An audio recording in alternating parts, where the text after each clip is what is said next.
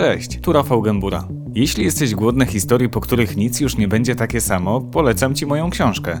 Zajrzyj na oczy.altenberg.pl i zamów swój egzemplarz. Tymczasem zapraszam na wywiad. Od 6 lat jesteś lekarzem weterynarii. Powiedz proszę, czy Polacy dbają o swoje domowe zwierzaki? Dbają i nie dbają. Wiesz, często osoby mm, bardzo skromne i niezamożne y, są w stanie y, wydać na swoje zwierzęta bardzo dużo. E, jest wiele osób, które traktuje zwierzaki jak swoich członków rodziny i poświęca im bardzo dużo czasu. Ale wiesz, wystarczy też wyjechać poza granicę większego miasta i zobaczyć zwierzęta na łańcuchu, które są wychudzone, stoją przy budzie, więc sytuacja myślę, że jest no, taka bardzo różnorodna u nas. Jeśli mówimy o tych sytuacjach, kiedy nie dbają właściciele o swoje zwierzęta, to na czym to niedbalstwo najczęściej polega? Myślę, że przede wszystkim e, kiepskim żywieniem zwierząt, tym, że karmią zwierzęta wieprzowiną, e, kośćmi z, z, z rosołu, które są kruche i mogą pokaleczyć układ pokarmowy psa, e, rzeczami niejadalnymi. Jest dużo rzeczy wiesz, trujących też dla zwierząt, jak e, czekolada czy rodzynki, cebula, czosnek, część przypraw. I Część osób sobie w ogóle z tego nie zdaje sprawy, że te rzeczy y, szkodzą zwierzętom, tak jak konserwanty w jedzeniu.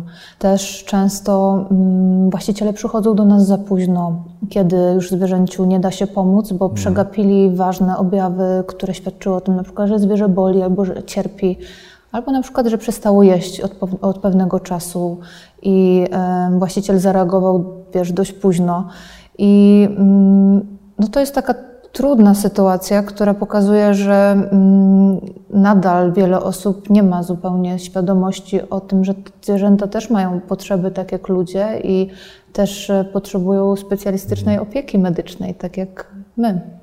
A czy bywają sytuacje, kiedy przychodzi e, do ciebie klient e, ze zwierzakiem, na przykład po to, żeby wyczyścić zęby, no a ty widzisz, że problem jest e, znacznie poważniejszy, bo na przykład zwierzak jest bity, kopany. Czy jesteś w stanie takie rzeczy zauważyć? Oczywiście, jesteśmy w stanie to zobaczyć. Widać to po zachowaniu zwierzęcia, że ono jest zalęknione, że się boi, że na przykład wiesz, ma takie zachowania, że robi uniki, mhm. że gdzieś się wiesz, kuli, jest zalęknione i też e, są zwierzęta po różnych traumach, wzięte na przykład ze schroniska, ale zdarza się i przemoc w stosunku do zwierząt, kiedy widzisz, że zwierzę jest bite, kiedy, kiedy jest wychudzone, kiedy ma, wiesz, powrastaną na przykład obroże. Takie sytuacje też mają miejsce, ale myślę, że częściej właśnie na wsi, w mniejszych miejscowościach. Mhm. Co w takiej sytuacji? Możemy zgłosić sprawę na policję, do inspektoratu i e, do Towarzystwa Ochrony nad Zwierzętami, ale sytuacja jest o tyle trudna, że mm, z jednej strony jesteśmy zmuszeni do zachowania tajemnicy lekarskiej, mhm. E, z drugiej strony powinniśmy reagować. W praktyce też osoba, która tak się zachowuje, która znęca się nad zwierzęciem, zdarza się też, że znęca się nad swoimi członkami rodziny. Więc to wielu lekarzy. Często idzie w parze? Tak, bo okazuje się, wiesz, właśnie, że jakby nie było, to e, przemoc e, zaczyna się w stosunku najczęściej do zwierząt, później przenosi się na mhm. ludzi, a potem pojawiają się przestępstwa. I często lekarze obawiają się wręcz o samych siebie, o swoje życie. Ja na szczęście nie miałam, nie pracuję też na wsi, więc nie, nie mam do czynienia z takimi sytuacjami, ale koledzy moi mają przypadki rzeczywiście takiej przemocy w stosunku do zwierząt. To są dramatyczne sytuacje, gdzie no, siłą rzeczy musisz taką sprawę zgłosić po prostu na policję. Natomiast w Polsce nasza ustawa o ochronie zwierząt też e, nie jest od lat na tyle rygorystyczna, żeby tych ludzi potem pociągać do odpowiedzialności. I kolejne rządy, mimo obietnic, niestety nadal nic z tym nie robią. I, um, Czyli jak to wygląda w praktyce? No w praktyce, jeśli taka sytuacja w ogóle, wiesz, trafia e, na wokandę, ktoś zgłosi znęcanie się nad zwierzęciem, bo słyszy się o kimś, kto zakopał zwierzę w, w lesie albo ciągnął zwierzę za sobą i to zostanie zgłoszone, to prawdopodobnie ta osoba co najwyżej dostanie, wiesz, 500 zł grzywny i jakiś wyrok w zawieszeniu, czyli w praktyce mm. nic. Bardzo rzadko słyszy się o takich wyrokach, że rzeczywiście ktoś musiał coś odpracować albo trafić do więzienia. I nadal od, od lat ta ustawa jest w niezmienionej formie, a powinna um, no, być gruntownie przebudowana. Mhm. To są takie mało przyjemne aspekty Twojej pracy, kiedy spotykasz się właśnie z takimi sytuacjami. Mm, a czy jest ich więcej, tych mniej przyjemnych? Myślę, że wszelkiego typu trudne decyzje związane z leczeniem zwierząt, e, bardzo takim no, trudną częścią naszej pracy jest moment, w którym musimy porozmawiać z opiekunem o dalszych losach zwierzęcia, kiedy na przykład nie ma pieniędzy na leczenie. To jest taka mhm. częsta sytuacja w, na, w naszej pracy, gdzie w momencie, kiedy możemy zwierzę leczyć, mamy do tego sprzęt, mamy wiedzę, mamy doświadczenie, mamy specjalizację, e, po prostu nie ma finansów i pada decyzja o eutanazji, o uśpieniu mhm. zwierzęcia. I to jest jeden, myślę, z takich czynników ważnych wypalenia zawodowego w naszej branży, E, coś, co sprawia, że wiele osób czuje, mm, że ślizga się po powierzchni, że nie może pomóc, mimo że, że mogłoby, to tak naprawdę te sytuacje bardzo mocno na nas psychicznie wpływają. Mhm. Zdarzyła Ci się taka sytuacja, kiedy no, wiedziałaś, że można by leczyć tego zwierzaka, no a jednak e, uszanowałaś decyzję właściciela i przeprowadziłaś e, eutanazję? Oczywiście, wielokrotnie i jakby opiekun zwierzęcia ma zawsze tutaj ostatnie słowo i trzeba je uszanować, bo to on podejmuje decyzję za naszą radą i też rekomendacją, ale decyzja w 100% jest do niego. Takim przykładem jest choćby choroba, która nazywa się ropomacicze, to jest choroba SUK, pojawia się u, u zwierząt, które nie są sterylizowane, no i jakby leczeniem z wyboru jest sterylizacja mhm. tego zwierzęcia i usunięcie tego zmienionego organu. No ale w Polsce wiele zwierząt nie jest sterylizowanych i to, ta choroba bardzo często się pojawia i właściciel słysząc, że może zwierzę leczyć i, i zabieg kosztuje nie wiem, kilkaset złotych, mówi, że nie ma takich pieniędzy i podejmuje decyzję właśnie o uśpieniu mhm. zwierzęcia. Za granicą również, więc... A ile kosztuje samo uśpienie? To wszystko zależy, wiesz, od, od zwierzęcia, czy jest to kot, czy jest to, czy jest to pies mały, czy też duży. Różnie, między 150 nawet, nawet 300-400 zł. Wszystko zależy od tego, ile też trzeba zwierzęciu podać środku, mhm. środka właśnie do uśpienia. Ale najczęściej jest to tańsze niż leczenie tego zwierzaka. A czy ty nie możesz po prostu odmówić? Możemy odmówić w momencie, kiedy nie mamy medycznych przesłanek do tego, e, ale zawsze trzeba wziąć pod uwagę również sytuację ekonomiczną właściciela i dobro tego zwierzęcia, bo jeżeli na przykład e, e, nie będzie w stanie ten właściciel zapewnić mu prawidłowej opieki później, opiekować się na przykład nad zwierzęciem, nie wiem, sparaliżowanym albo przewlekle chorym, któremu trzeba podawać leki, karmić je specjalistyczną drogą karmą, to też musi właściciel usłyszeć o wszystkich możliwościach. Więc y, to jest taki, wiesz, olbrzymi dylemat również pomiędzy mm, dobrem zwierzęcia, dobrem właściciela, a też kwestią ekonomiczną, bo nie należy zapominać, że jednak e, zakład leczniczy dla zwierząt to jest firma, która też generuje zysk mm. i tym samym wynagrodzenie dla pracowników. I A eutanazja to usługa. Jest też właśnie usługą, mm. więc taką siłą rzeczy ta, to miejsce e, skazuje się też właśnie no, w tym momencie na stratę. E, no sama eutanazja, ale również później kremacja zwierzęcia, więc e, bardzo trudna sytuacja. A czy zdarzają się sytuacje odwrotne, kiedy no, przesłanki są takie, żeby jednak zaoszczędzić temu zwierzakowi cierpienia, a właściciel za wszelką cenę e, chce to życie przedłużyć. Mówi nie, nie zgadzam się. Tak, takie sytuacje też często się zdarzają, ponieważ opiekun zwierzęcia, często słysząc od nas niepomyślne wieści, e, swojej takiej, wiesz, zupełnie instynktownej reakcji zaprzecza temu, co słyszy. To jest taka reakcja obronna na niepomyślne wieści i jakby nie dopuszcza tego do siebie. To jest też taki moment wchodzenia w proces żałoby, przyjęcia niepomyślnych wieści. Na początku takiej złości, zaprzeczenia, potem próby targowania się i dopiero takiego, wiesz, smutku, akceptacji, przejścia dalej. E, I niejednokrotnie mamy zwierzęta e, terminalnie chore, które na przykład mają nowotwory i są w końcowym stadium e, choroby i właściciel prosi jeszcze, żeby, żeby walczyć, żeby utrzymać je przy życiu i musi od nas usłyszeć po prostu też o wszystkich za i przeciw, ale on na koniec dnia podejmuje decyzję. Mhm. I pamiętaj też, że mm, Na koniec płaczemy nad sobą, nad swoją stratą po stracie członka rodziny, bliskiej osoby, ale też zwierzęcia, bo wiesz, dzisiaj pies czy kot jest członkiem rodziny i mm, będzie chciał jeszcze właśnie często do końca walczyć, kiedy wiemy, że sytuacja jest beznadziejna. Dla nas najważniejsze jest to, żeby wyczuć ten, ten trudny moment, kiedy jest e, czas, żeby powiedzieć e, do widzenia. Mhm. Macie jakieś sposoby na to, żeby e, no, znieczulić, zmniejszyć ból człowieka wynikający z faktu, że musi pożegnać się ze swoim, tak jak mówisz, przyjacielem, członkiem rodziny?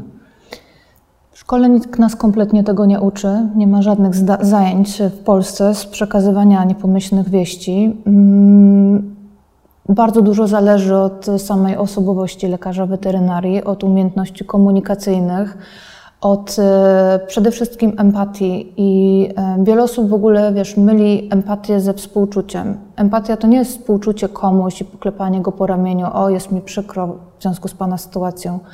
Empatia to jest, e, która jest niezbędną częścią naszej pracy, jest umiejętnością współodczuwania, czyli wstawienia się w buty tej osoby, w jej sytuację, ale zachowanie też własnej perspektywy. W związku z czym my jesteśmy takim okrętem i sterem dla tej osoby w trudnej sytuacji, która może wpaść w histerię, może się nam rozpłakać, może się zdenerwować i wyjść, może trzasnąć drzwiami, mm. może, może wiesz, jest, jest w ciężkich często emocjach i taka umiejętność samokontroli, zapanowania nad sytuacją, pokazania jestem tutaj dla ciebie, widzę, że cierpisz i przede wszystkim też nie okazywania tylko tej empatii zwierzęciu, tylko drugiej osobie, o czym właśnie często wielu lekarzy zapomina i mówią to również badania, że no, nie jesteśmy z tego przeszkoleni. To jest umiejętność, którą się nabywa. Empatia do innych wzrasta z czasem, też z doświadczeniem, więc młodzi lekarze też nie czują się na tyle pewnie. Tak, muszą się no. tego nauczyć. Ale co można powiedzieć, tak, już to sprowadzając do, do tej sytuacji? Co powiedzieć takiemu człowiekowi, żeby jakoś mu było lepiej? Jakie są Twoje doświadczenia? Jak Ty postępujesz? Przede wszystkim sam fakt, że lekarz wypowie, że widzi, co czuje ta osoba, a często, często czuje żal, złość, smutek, często lęk w takiej sytuacji. Powiedzenie opiekunowi zwierzęcia, że widzę, że jest pani ciężko. Mhm. Okazanie zrozumienia dla tej sytuacji, okazanie wsparcia i powiedzenie, że jesteśmy tutaj razem i zrobiliśmy wszystko, żeby pani zwierzęciu pomóc. Takie wiesz, drobne gesty, które to się, to się nazywa w ogóle kojący dotyk. I ja nie mówię teraz o wiesz, rzucaniu się w ramiona obcej osobie, czy, przy, czy wiesz, przy przytulaniu obcych ludzi, chociaż powiem Ci szczerze, że ja w ogóle nie mam z tym problemu, mhm. bo ja w ogóle w swojej pracy, jak pracuję na ostrym dyżurze, Często mam bardzo dużo eutanazji. Zdarza mi się, że mam wiesz, sześć, sześć takich zabiegów dziennie. W ciągu jednego dnia? W ciągu jednego dnia, bo wiele zwierząt trafia do nas w bardzo ciężkim stanie. E, odesłanych na przykład z innych lecznic okazuje się, że niestety nie możemy nic więcej mhm. zrobić, albo koszty leczenia przerastają możliwości właścicieli. Czy ty się nie znieczulasz wtedy? Nie powiem, że się znieczulam, ale mm, jest to dla mnie też olbrzymie obciążenie już wiesz, mhm. w takiej ilości. średnio mówi się, że wiesz, że lekarze dokonują, nie wiem, pięciu, dziesięciu eutanazji w, w miesiącu. Lekarze, którzy pracują w lecznicach całodobowych, myślę, że mają znacznie więcej ich na mhm. swoim koncie, bo tam jest więcej po prostu takich bardzo ciężkich przypadków.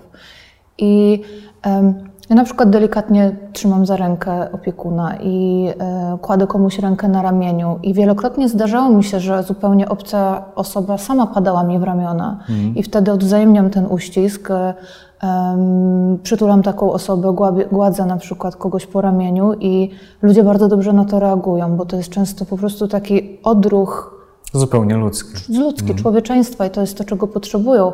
Chociaż wiem, że wiele, wielu lekarzy tego nie praktykuje. Często to jest właśnie to, co sprawia, że w percepcji tej, tego opiekuna my wychodzimy na tych właśnie ludzkich, współodczuwających, że on ma fizyczny dowód na to, że my jesteśmy przy, przy nim. A jaka jest najgorsza rzecz, jaką lekarz mógłby w takiej sytuacji e, zrobić albo powiedzieć?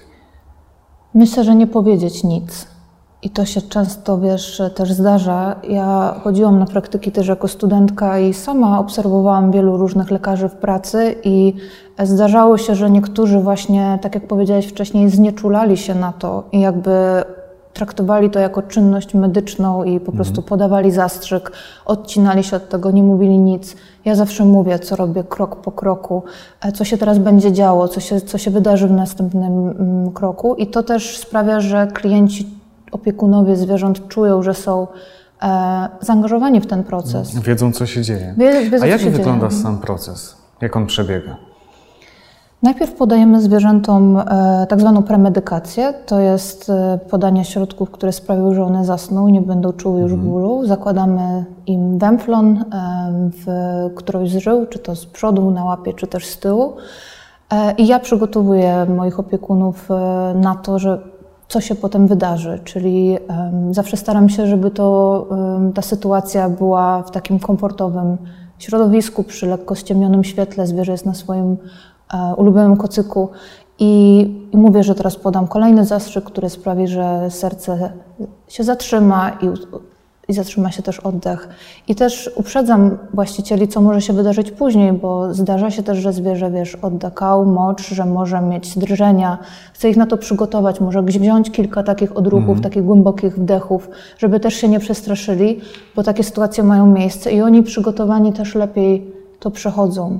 I podajemy wtedy drugi zastrzyk, który zatrzymuje akcję serca i e, po tym osłuchuje się zwierzę i mówi się właścicielowi, że, że już jest po wszystkim i że, że, że zwierzę nie żyje.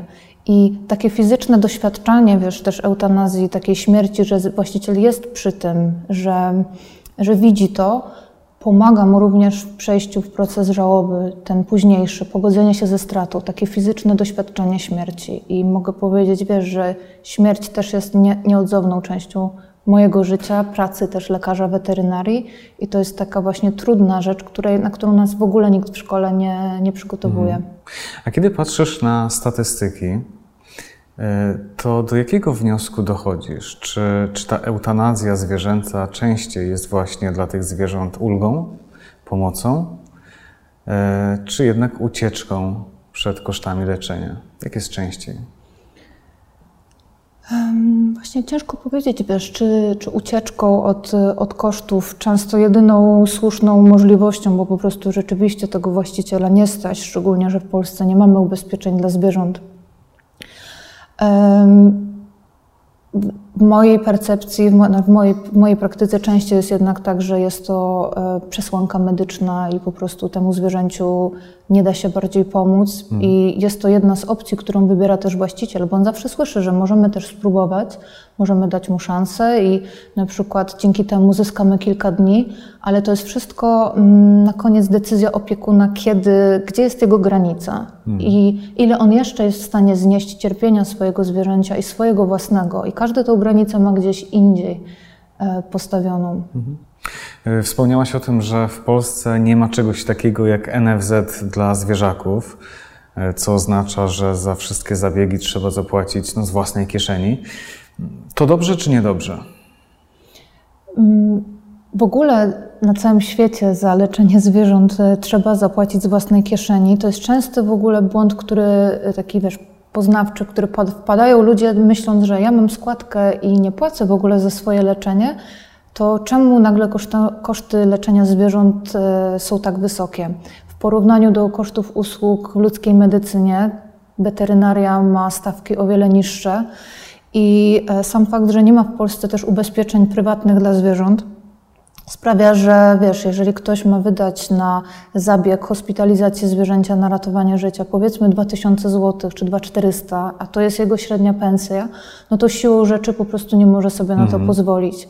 I niestety panuje taka społeczna percepcja, że mm, jakby mam zwierzę i często oczekuje się od lekarzy weterynarii, że oni będą leczyli za darmo, że jak to pan bierze pieniądze za swoją usługę, bo to jest e, przecież to jest misja, to jest zawód, który jest powołaniem. Czyli ludzie przyzwyczaili się, że leczenie jest za darmo. Tak. I dziwią się często, że w ogóle też muszą coś zapłacić.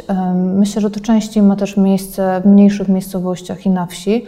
I wiesz, posiadanie zwierzęcia to jest w dzisiejszych czasach dobro luksusowe. I jakby ludzie też nie łączą tego, mm, na przykład biorą sobie psa drogiej rasy, chorowitego, na przykład bulldoga francuskiego i jakby nie liczą się zupełnie z kosztami leczenia, z te, tego, że te zwierzęta ciężko chorują ze względu na układ oddechowy i nie mają w ogóle przewidzianego później na budżetu, co by się działo, gdyby to zwierzę zachorowało. I nagle pojawia się problem, że trzeba wydać więcej na leczenie i trochę część z nich obwinia lekarzy, że, że te koszty w ogóle są. Są tak wysokie i że Tak. w ogóle są. Wiesz, ja jestem lekarzem weterynarii, ale nie mam swojego psa. Bardzo o tym marzę. Też mieszkam w akurat małym mieszkaniu, ale ze względu na mój styl życia bardzo dużo wyjeżdżam. Akurat e, na, do pracy też dużo jeżdżę po Polsce i, i za granicę. I em, wiem, że nie mogę sobie w tym momencie na to pozwolić. I to jest moja świadoma decyzja. A te, te decyzje o wzięciu zwierzaka są często podejmowane pod wpływem chwili, albo to jest prezent, albo teraz e, ludzie, wiesz, brali zwierzęta, bo nie chcieli siedzieć sami w domu i pojawia się problem, nie? To nie, to jest zobowiązanie na lata. A czy zdarza się, że ty wykonujesz jakąś usługę medyczną, mm, wystawiasz rachunek i klient nie chce zapłacić? Zdarzają się takie sytuacje i to jest, e, myślę, jedna z najtrudniejszych części naszej pracy. Zdarzy się, że, że pacjent umrze na naszych rękach, że, że ratujemy zwierzę i niestety coś się nie powiedzie, albo na przykład e, operujemy i okazuje się, że nie udaje się zwierzęcia uratować, bo to było potrącone przez samochód i był krwotok wewnętrzny. Pacjent zatrzymuje się na stole i trzeba wykonać trudny telefon do opiekuna, poinformować o tej sytuacji e, i mimo na przykład tego, że klient wyraził zgodę na leczenie i na koszty, e, nie chce uregulować rachunku, bo zwierzę nie żyje, no to za co, za co ma zapłacić? A wiesz, cały zespół jest postawiony do pionu, chirurg, anestezjolog, e, pielęgniarki w szpitalu, wiesz, i nie, nie, nie liczy się w ogóle z tym, że, że, że praca została też, wiesz, wykonana. To są takie bardzo trudne sytuacje. A bywa, że masz po ludzku dość tego wszystkiego? Jak myślę, że każdemu zdarzają się takie momenty. Mm, Najbardziej mnie chyba boli, że niektórzy opiekunowie zwierząt czasami traktują swoich podopiecznych jak przedmioty albo jak problem, którego należy się pozbyć. I myślę, że taką jedną z sytuacji, które najbardziej zapadły mi w pamięć, była młoda mama, która przyszła do nas z młodym, młodą suką rasy Akita, dwuletnią, e, twierdząc, że pies e, ugryzł dziecko. Miała, mówiła, że miała małe dziecko w domu, trzyletnie, więc jak nie trudno sobie wyobrazić, pewnie dziecko biegało po domu z rączkami, wiesz, uniesionymi do góry, no i albo ciągnęło za ucho zwierzaka i możemy tylko, wiesz, myśleć, pokazał zęby, może rzeczywiście złapał ją za rękę, jakby nie, tego nie wiemy.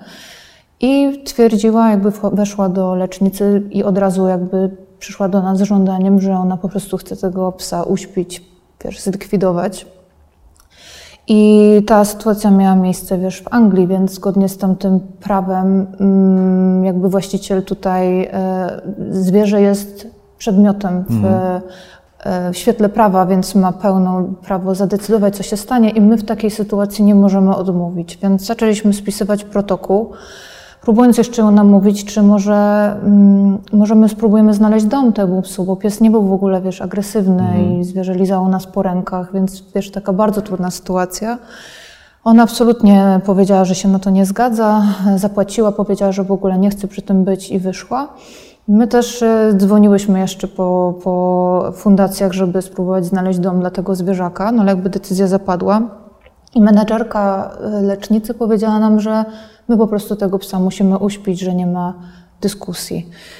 I razem z, koleżanką em, założyłyśmy węflon temu psu i wiesz, em, to była straszna sytuacja, w której zdrowy, zupełnie młody pies, em, naprawdę kochany, lizał nas po twarzy, po rękach i a my odbierałyśmy mu życie, ponieważ tak e, zadecydował właściciel i nie ma dyskusji. I uśpiłyśmy tą, tą suczkę i pół godziny później em, powoli ją, wiesz, e, owijamy w, w kocyk, przygotowujemy ją też do, do, do odbioru, do kremacji i em, właści- przychodzi do nas menedżerka z góry i mówi, że właścicielka zadzwoniła i że się, że się rozmyśliła, że my jednak Poważnie? że my jednak możemy poszukać jej domu. a pies już był, już go nie było między nami. I wiesz, po prostu zalałyśmy się łzami, bo to jest taka sytuacja, której nikt nie chciałbyś być w naszych butach. Powiem ci, po, po dziś dzień, jak wiesz, jak o tym myślę, to, to po prostu jest mi tak strasznie przykro. I, I takich sytuacji, wiesz, e, każdy z nas, lekarzy weterynarii, ma, ma w swojej karierze co najmniej kilka. No kompletnie demotywująca sytuacja. Co dzieje się z ciałem zwierzaka? Wszystko Jakie za- są procedury? Wszystko zależy, jaką decyzję podejmie właściciel. W Polsce zgodnie z prawem em, zwierzę należy poddać e, kremacji po, po jego śmierci, czyli musi trafić do e, specjalnego miejsca, gdzie zostanie, jego ciało zostanie spopielone. E, Jednakże właściciele często chcą odebrać na przykład ciało swojego zwierzaka i mm, na przykład zakopać je w ogródku albo w lesie. Jest taka możliwość? No i to jest trudna sytuacja, bo zgodnie z prawem my nie możemy tego robić, ponieważ zwierzę powinno, nie, nie można e, zakopywać zwierząt tak jak ciał ludzi, wiesz, w nie, nie przeznaczonych do tego miejscach. Więc e, Czyli nie możecie wydać ciała? tylko za zgodą właściciela, kiedy on podpisze dokument, że jakby on bierze odpowiedzialność za to. Więc jakby to jest, to jest taka trudna sytuacja, ale Czyli praktyce... on zobowiązuje się, że nie zakopie, choć wiadomo, że zakopie. Na to, e, za, ale, za, e, ale za to za granicą najczęściej, no w Polsce zresztą coraz częściej też, e, właściciele po prostu chcą zwierzę kremować i coraz częściej są to właśnie kremacje indywidualne, gdzie opiekunowie chcą odebrać prochy zwierzęcia i wtedy złożyć je na przykład do urny albo wtedy zakopać u siebie w ogródku i też coraz bardziej rozwija się taki trend na świecie, gdzie mm, trzymają prochy swoich zwierząt w, w specjalnej urnie, w kamiennej, drewnianej. Nawet wiesz, e, biżuteria się pojawia z prochami zwierząt. Można taki, nie wiem, kamień albo diament sobie też przygotować, więc coraz bardziej ludzie podchodzą do tego jak do em, straty bliskiej osoby. A jaki jest Twój stosunek do tego? Gdyby mm, prawo miało zależeć od Twojej woli, to jak byś to uporządkowała? Myślę, że każdy powinien mieć tutaj wybór. Nie do końca zgadzam się rzeczywiście za, e, z tym, żeby móc zakopać zwierzę czy wiesz, człowieka gdziekolwiek, ponieważ jest, są do tego prze, specjalnie przeznaczone miejsca i ryzykujemy też tym, że na przykład wiesz, dzikie zwierzęta gdzieś albo, albo e, na przykład na wsi pałętające się psy gdzieś wykopią po prostu to zwierzę, więc e, to rzeczywiście ta sytuacja powinna być e, uporządkowana. Jednak ja jestem za tym, żeby, żeby dawać tutaj ludziom wybór i często dla nich ta możliwość pożegnania się ze swoim e, przyjacielem w taki sposób to jest też część wejścia w ten proces żałoby. E, Dużo rozmawialiśmy o tych e, no, mniej przyjemnych aspektach, demotywujących sytuacjach, no ale na pewno są sytuacje, które przecież sprawiają, że jednak masz ochotę następnego dnia przyjść do tego gabinetu, które wywołują uśmiech na Twojej twarzy. Jakie są to sytuacje? Y, Czasem jak wiesz, mam zapisane dwa tygodnie grafiku na ostrym dyżurze i mam same takie ciężkie przypadki i zdarzy się, że dostaję mm, dyżur na właśnie pierwszym, na pierwszym kontakcie i nagle w moim grafiku pojawiają się, wiesz, szczepienia, odrobaczenia, e, chipowanie małych szczeniaków, kociąt i jest dużo, wiesz, miłości, przytulania malutkich zwierząt i, i wszyscy, wiesz, od razu e, mają uśmiech na twarzy, bo to jest nowy członek rodziny, to, to jest taka, wiesz, bardzo przyjemna odmiana. I uwielbiam absolutnie porody i cesarki. Cesarskie cięcia też zabieg, kiedy mm, pomagamy zwierzętom urodzić na świat małe szczeniaki, kocięta i też to jest takie, wiesz, nowe życie i to zawsze to jest taki wzruszający moment, kiedy masz 10 maluchów i po prostu je, wiesz, nacierasz, wybudzasz i, i I potem wszystkie są przystawiasz. takie słodkie. Tak, i przystawiasz potem matce do, do karmienia. No Są to takie fajne e, momenty. I też powiem Ci, że, bo mówiliśmy dzisiaj dużo o, o eutanazji, ale momenty, kiedy e, dostajesz kartkę z podziękowaniem od opiekuna e, właśnie za to. I za granicą tak jest, że dostajesz kwiaty albo, albo, albo czekoladki z takim gestem, że dziękujemy Ci za to ostatnie pożegnanie. A w Polsce też to się zdarza? Tak, zdarzyło mi się otrzymać kwiaty i czekoladki właśnie od pani, której e, kotkę usypiałam. E, To są takie, wiesz, sytuacje, które są naprawdę balsamem na serce i pokazują, że taką olbrzymią wdzięczność za to, że, że pokazaliśmy tej osobie, że jest dla nas ważna i że okazaliśmy jej wsparcie, bo przede wszystkim na tym nasza praca po prostu polega. Natalia, jak najwięcej takich e, klientów, pacjentów Ci życzę. Dziękuję za spotkanie, dziękuję za rozmowę. Bardzo dziękuję też.